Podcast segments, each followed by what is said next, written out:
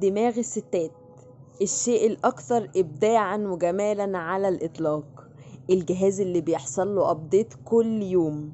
فمهما حاولت تفك الشفرة مش هتعرف. بس خلينا النهاردة نفك مع بعض خمس شفرات. هنتكلم عن خمس حاجات عمر الستات ما هيقولوها لك. أنا آية خطاب وجاية دردش. الرد على سؤال مالك ده مش بالساهل.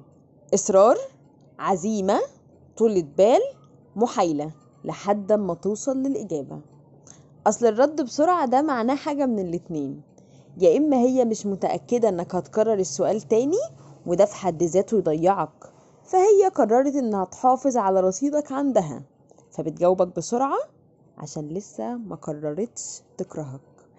يا إما هي فعلا عاوزة تقول مالها وكانت مستنية سؤالك ودي نسخة طيبة من الست اللي معاك. مش هتظهر كتير. بنقولك بس عشان ما تتعودش.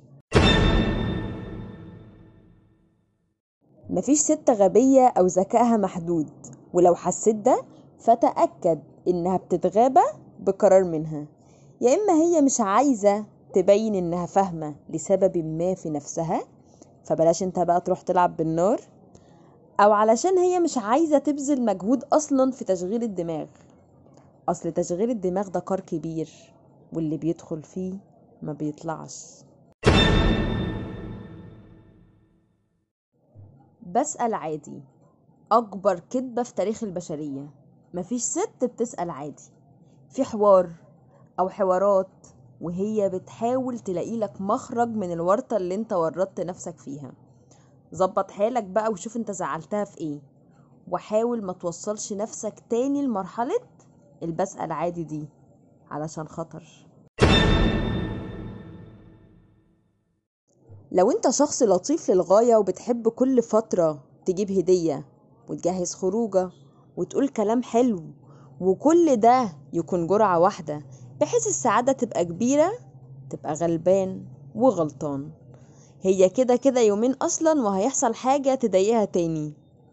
فأنت فكك المجهود العظيم السابق ذكره ده لمواقف صغيرة هدية صغيرة مرة كلمة حلوة مرة تقدير لتعبها موقف جدعنة ده هيفرحها أكتر.